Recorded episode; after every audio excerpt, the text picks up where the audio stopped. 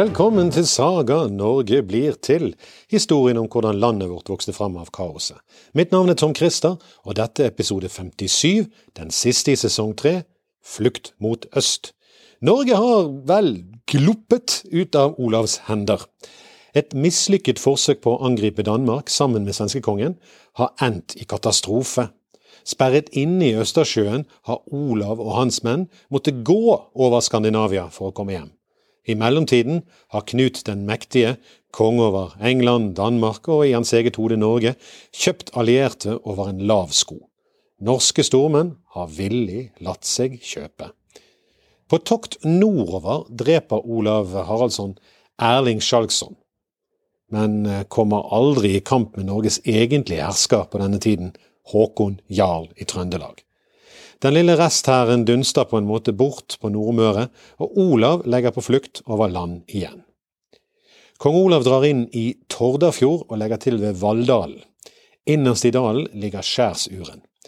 Der mener de lokale at det ikke går an å komme over, eller som de sier, her kjem verken hester eller folk fram. Men Olav insisterer. Han vil forsøke likevel. Vi får forsøke, så får det gå som Gud vil, sier han. Dermed blir bønder og hær Olav skal ha hatt med seg 400 mann fortsatt. Det høres som vanlig veldig mye ut, men bønder og hær blir sendt ut for å lage vei i vellinga, eller uren, da. Men om kvelden kommer de tilbake og sier at de har slitt og de har strevd, men ikke kommet noen vei. Neste dag sender kongen de ut på nytt for å brøyte vei i uren likevel. Men nå er det kommet et nytt problem – mat.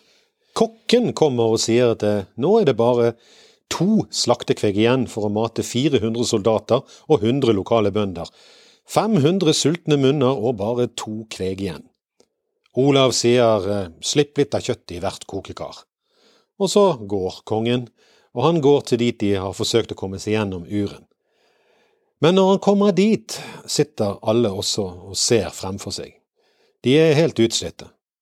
Kongen han legger kappen sin på bakken og beordrer alle sammen til å prøve en gang til. Og skulle du sett, da går det jammen. Farbar vei blir ryddet gjennom uren. Så er det tid for mat.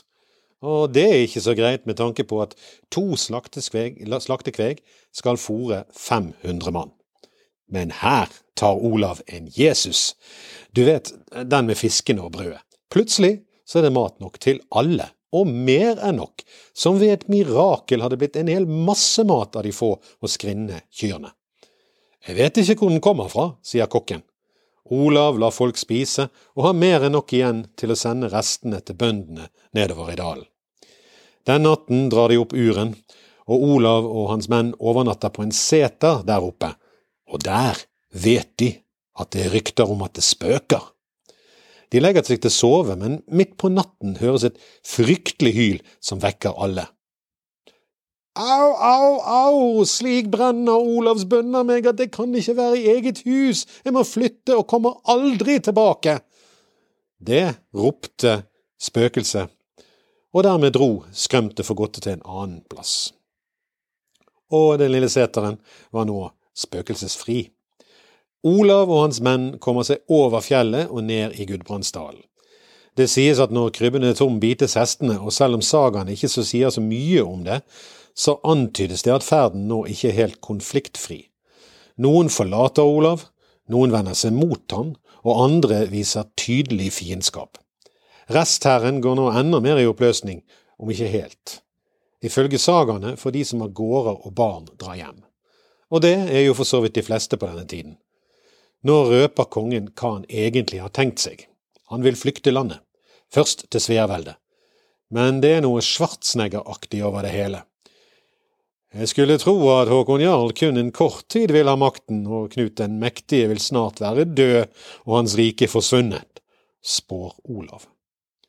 Olav sier at han vil komme tilbake og søke makten igjen, for han føler på seg at folket i Norge snart vil ha han tilbake. I'll be back, jeg vil at du kommer. Er det bare ønsketenkning fra en slagen fyrste? Er det vikingtidens svar på bunkeren i Berlin og Napoleon på St. Helena? Nja, dette er nok skrevet inn mye seinere av noen som vet hvordan det gikk, og som ønsker å legge alen til myten om helgenkongen. Men i 1029 vet ingen hvordan det skal gå. Olav flykter østover med sin kone og sin sønn Magnus og sin datter Ulvild. Ferden videre østover ser ut til å ha vært ganske udramatisk. De tilbringer våren i Svitjod hos en stormann kalt Sigtrygg. Sammen med de er noen trofaste menn. Ragnvald Brusesønn, Finn Arnesønn, han som straffet Tore Hund på tinget, og to av Finns brødre. Den siste broren, Kalv, han er dratt sin kos. Olav og Magnus de drar videre til Garariket, mens Astrid og Ulvhild blir igjen i Svitjod. Dette ligner en del på historien om Olav Tryggvason, som de kanskje husker, men det er sannsynligvis betydelig med samrøre i de to historiene når de skrives ned på 1200-tallet. Det er ingen tvil om at muntlige overleveringer kan være ganske solide i et par hundre år. Det som er problemet, er at når det oppstår forvirring eller nye historier finnes på eller legges til, så er det vanskelig å vite hva som er originalen og hva som er tillegg. Olav og Magnus drar altså til Gareriket i eksil. Samtidig, tilbake i Norge, forsøker Håkon Jarl febrilsk å finne Olav når Olavs hær oppløses på Møre. Han følger etter Olav inn fjorden, men når de seiler inn fjorden, får de se en gruppe skip på vei ut. Alle menn gjør seg klare til strid. Men det viser seg å være den før nevnte kalv Arnesønn, den samme kalv hadde tidligere egget Olav til å ta opp kampen nettopp mot Håkon Jarl her og nå, til tross for Olavs mindre styrker. Nå er han ikke like villig til å ta opp kampen, og han blir faktisk tatt relativt bra imot, i hvert fall angripes han ikke på vei ut. Akkurat dette er verdt å merke seg, for han skal dukke opp igjen. Han har altså vært Olavs mann, egget ham til strid, og nå seiler han forbi Håkon Jarl uten problemer. Men siste ord ikke sagt ennå, følg med. De seiler videre inn fjorden, altså gjør Håkon Jarl og hans menn, og finner Olavs strandede skip. Fuglene fløyet og fløyet langt opp i uren. Håkon forsøker ikke å følge etter.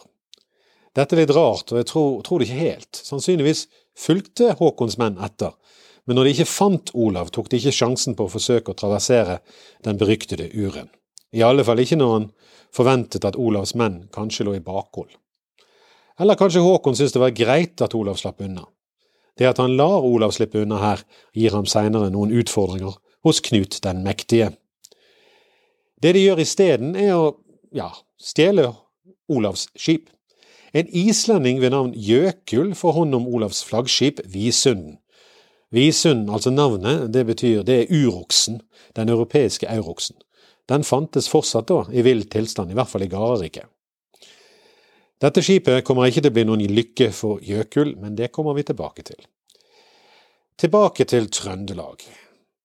Og Håkon Jarl tilbyr den tidligere nevnte kalv å bli hans håndgangne mann. Kalv vil eh, tenke på det, han har jo en del å takke Olav for. Det er denne kalv som fikk gården og enken etter storbonden Olve, som Olav fikk drept og kjent ugild fordi han var så vel gildete. Han holdt blot og fest for de gamle gudene. Eh, det at han har fått eh, enken og gården, er både Kalvs lykke og frustrasjon.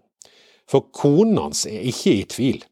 Hun hater Olav med en lidenskap langt større enn den hun elsker sin mann med. Det er der gode grunner til. Det ene problemet er jo drapet på hennes eksmann, men det er ett problem til, og det er kanskje større. En av de som tok penger fra Knut den mektige, het Tore, og var sønn av denne Olve altså sønnen til konen til Kalv og hans stesønn. Olav oppdaget det, at han hadde fått tatt penger fra Knut, og han drepte han. Det drapet fikk han angre på. Tore var så vel ansett og hadde så mange slektsforbindelser hit og dit at både på Hedmarken og i Trøndelag ble folk rett og slett opprørt.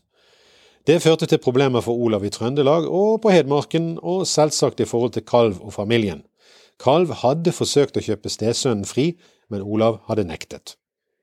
Hell have no fury like a scorn, woman scorned. Kalv er i klemma, ikke bare tidsklemmen, nei, konge- og hustruklemmen. Kan det bli verre? Det er vel ingen nåværende eller tidligere ektemann som lurer på hva som blir utfallet. Kralv gir etter for konen. Han reiser til Håkon Jarl og blir godt belønnet for sitt kappeskifte. Men Kalv stopper ikke der. Han finner det også for godt å ta en tur til sjefen over alle sjefer, Knut den mektige. Kalv setter av gårde over havet og treffer Knut. Knut får fortsatt ikke Olav ut av tankene, og han stoler ikke helt på at Håkon Jarl er kar nok til å slåss mot Olav om det kommer til stykket.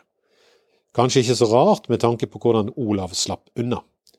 Min frende, den Håkon, er så rettsindig at jeg tror han ikke engang vil kaste et skaft på Olav om de møtes, sier Knut. Så Knut rekrutterer Kalv som fremtidig jarl over Norge. Betingelsen er at uh, han skal nedkjempe Olav om han kommer tilbake. Hæ? Sånn rett ut av løse luften, jarl Kalv? Planen til Knut er at Håkon skal komme til England, mens Kalv skal styre Norge. Slett ikke dårlig utbytte av en ferd på måfå til kongen. Jeg tror ikke dette kommer helt ut av løse luften, jeg tror det er en grunn til at Kalv plutselig finner det for godt å besøke Knut. Men skjedde dette? Tja, noe som skjer like etter, tyder på at det var ikke så enkelt, men kanskje at noe skjedde. Den samme sommeren seiler nemlig Håkon Jarl vest til England. Håkon hadde nemlig en kjæreste, vel faktisk en forlovet i England, og nå kommer han for å ta henne med seg hjem til Trøndelag for bryllup. Som alle kommende brudepar benytter de anledningen til å handle taxfree på turen, dvs. Si Håkon handlet inn og samler inn ting som var vanskelig å få tak i hjemme i Norge. Det skal bli et staselig bryllup for han, Norges egentlige hersker, og hans brud, Norges egentlige dronning. Men, og dette er vel heller ikke helt uvanlig, det tar litt tid. Bruden blir liksom ikke helt klar helt fort, og alle innkjøpene tar tid å få levert. Som sagaene sier, tar, ja, brudekjolen tar litt tid. Som sagaene sier, han blir meget sent ferdig. Det blir nok spurt om det var så lurt å sette ut når høststormene kom stadig nærmere. Men Håkon ville hjem med gods og brud. Han setter av gårde. Det siste vi hører om Håkon er at noen ser skipet hans passere i Petlandsfjorden, som det het, altså sundet mellom Caithness og Orkenøyne. Siden hører ingen noe fra Håkon. Skipet går ned med mann og mus, og den siste ladejarl drukner. Var dette et ledd i en hemmelig plan om å gjøre Kalv til Norges hersker? Var det sabotasje? Det ser ikke sånn ut, for det skjer ingenting sånt. Nå står trønderne og ser etter Håkon, slik Erling Skjalgsson en gang sto og så etter Olav Tryggvason men Håkon er og blir borte. Det skjer ikke noe sånn med en gang, for ingen vet egentlig når han hadde tenkt seg tilbake.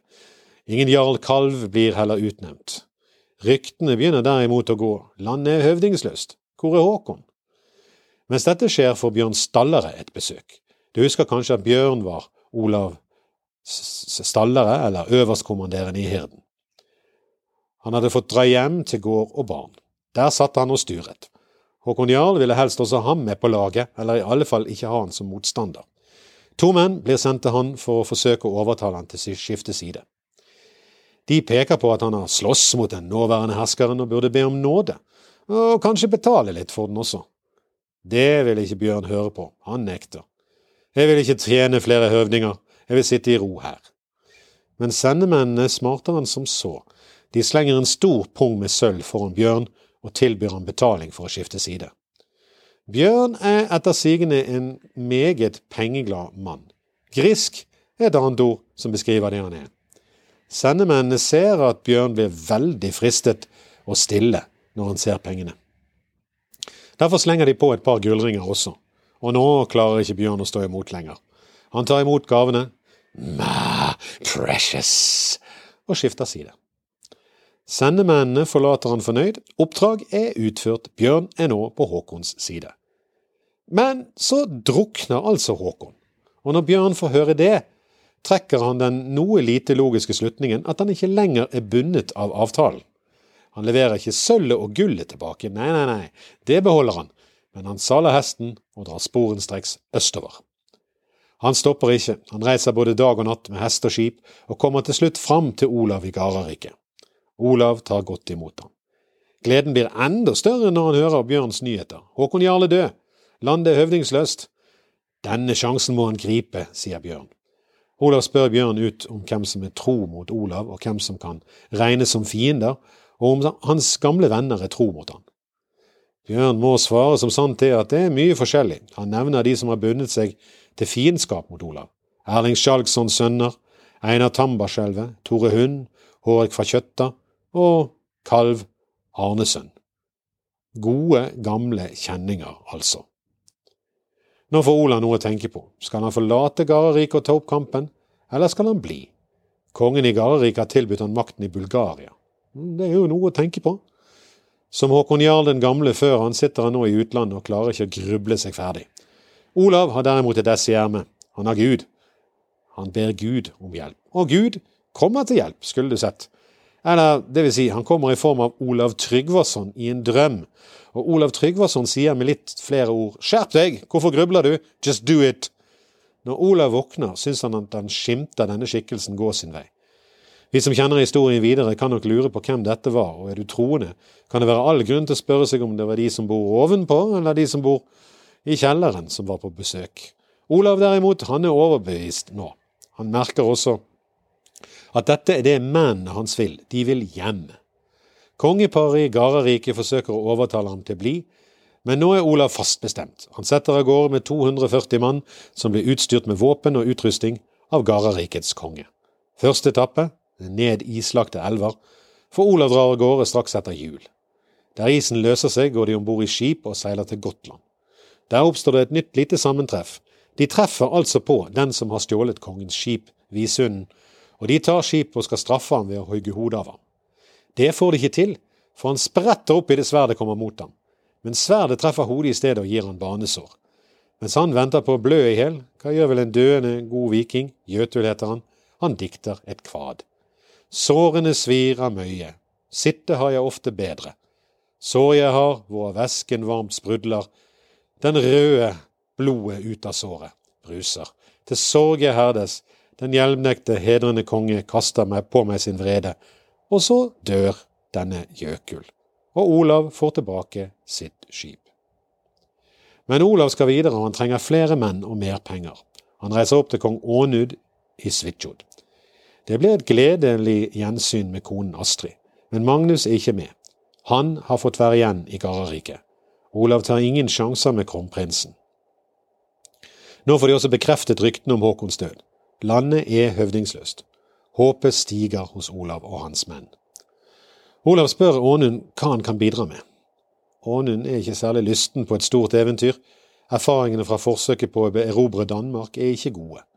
Han tilbyr Olav 400 menn, som han kan velge selv fra hirden hans, og at Olav kan få lov til å sjøl rekruttere menn i Svitjod. Olav er kanskje litt skuffet, men det er mer enn ingenting, og det er heller ikke vanlig å tillate noen å reise her i sitt eget land, når denne ikke er konge i landet sjøl. Så Olav tar det han får. Alt dette går ikke upåaktet hen. Både Olav og hans fiender er speidere og spioner ute, og ryktene går som ild i tørt gress. Harald Sigurdsson, Olavs halvbror, samler sammen menn og drar Olav i møte. De setter av sted østover. Samtidig går Olav vestover med sine 800 menn fra Svitsjon. På et eller annet vis klarer de å få rede på hverandres ferd, møtes og samler seg. Nå skal det være 1200 mann til sammen. En Dag Ringsen, en nordmann som har levd i utlegg i Sverige, har også lyst til å komme hjem. Ved tilbud om stor status slutter han seg til. Han skal også ha 1200 mann. Nå begynner tallene å henge bitte lite grann lite sammen, men mer om det siden. Men de ligger ikke på latsiden heller, Olavs fiender. Ryktene løper fort, og de tar ingen sjanser. Tore Hund har ut Leiang i nord og samler mye folk. Det gjør også Hårek fra Kjøtta. Einar Tambarskjelvet han drar til England. Dette er Game of Thrones på høyt nivå. Einar har klart å holde seg utenfor all konflikt etter slaget ved Nesjar. Einar drar fordi Håkon Jarle er død, og fordi han mener han er den rette til å overta jarledømmet. Han drar altså i beste fall for å be om å få bli Knut den mektiges øverstkommanderende i striden som kommer. I verste fall stikker han av for å se hvor terningene triller og hvem som blir konge. Han føler han har gode jarlekort på hånden. Ladejarlen må erstattes, og Einar sitter perfekt til i midt i Trøndelag. Men Knut har jo lovet Norge til kalv Arnesund, som også sitter i Trøndelag. Ja, men sånn som Einar oppfatter det, har han også tidligere lovet ham jarledømme. Når Einar kommer fram til Knut, viser det seg at han har kommet på andre tanker, Knut altså. Eller fjerde tanker, for å være mer presis. Håkon er død, Knut må finne en erstatning, og den erstatningen er likevel ikke kalv. Einar aner sin sjanse, men bare et sekund. Knut vil nå gi Norge til sin sønn Svein, så det er så. Einar er skuffet, men ikke mye han kan gjøre. Men nå kommer politikeren i ham fram igjen. Det falt Einar i hu at det ikke var grunn til å påskynde ferden tilbake mer enn det som kunne være passelig hvis de skulle kjempe mot Olav og han ikke kunne regne med å få noe premie for det. Einar seilte av sted og passet farten slik at han ikke kom frem før alt var over. I mellomtiden mobiliserte som sagt Norge. Lendmennene henter ut folk i alle hjørner, og Erlingssønnene mobiliserer Jæren. Olav setter seg i bevegelse og når etter hvert kjølen. Der deles hans styrke i tre, slik at alle drar hver sin vei vestover. Det reduserer risiko. Samtidig antyder det også at det er litt delte lojaliteter ute og går. Den nevnte Dag Ringsønn leder den ene divisjonen, svenskene ellers har én divisjon, og så drar nordmennene med Olav for seg sjøl. Slik hæren ser ut nå, er det ca. 800 nordmenn og 1600 svensker. Så hva er dette egentlig? Kongens tilbakekomst eller svensk invasjon? Noe antydning om hva som virkelig foregår, får vi i en liten sidehistorie. Den handler om to menn som heter Gauke-Tore og Avrafaste. De er rett og slett landeveisrøvere som har 30 mann i gjengen sin. De ønsker å bli med på ferden fordi kongen har sagt at alle hans fienders gods er fritt vilt. I sagaene blir dette en lang historie om de er kristne eller ikke. Den ene vil altså døpe, den andre vil ikke. Til slutt, og etter en del om og men, blir de med i siste runde. Men det som kanskje synes bak tidens tåkedis her, er hva som virkelig foregår. Slaget på Stiklestad er sannsynligvis oppspinn. Der var en trefning, kanskje i nærheten, men det episke slaget dukker først opp som historie mye seinere. I starten er dette en historie om en bande vikinger eller røvere som reider øst i Trøndelag, og som blir tatt hånd om. Men så blir Olav hellig, og da må historien justeres. Kraftig. Kommunistene var ikke de første til å redigere historien, men få har vært så vellykket som Snorre Sturlason og sagaskriverne. For skulle egentlig Olav med sine tusenvis av menn, hva skulle han med 30 banditter? Men, men. Vi kan jo velge mellom den episke versjonen og den litt enklere versjonen, men vi skal selvfølgelig fortelle den mest episke versjonen. Ingen er vel overrasket over det. Men det blir neste gang og i neste sesong, i episoden Slaget på Stiklestad. For nå er det slutt for episode 57, og vi er tilbake i Norge. Og sesong tre er over. Før vi skiller lag, et vers fra Håvamål. Han ene veit som vie reiser, at um mellom folk har fari. Hvor vel sin hugan i taum, kvar som veit hva hvit er. Ikke vis følelser, og ikke la deg friste, det er farlig. Jeg er Tom Christer, send kommentarer og spørsmål til tom.christer.gmail.com. Det var episode 57 i Saga Norge blir til, og neste gang blir det en ny sesong.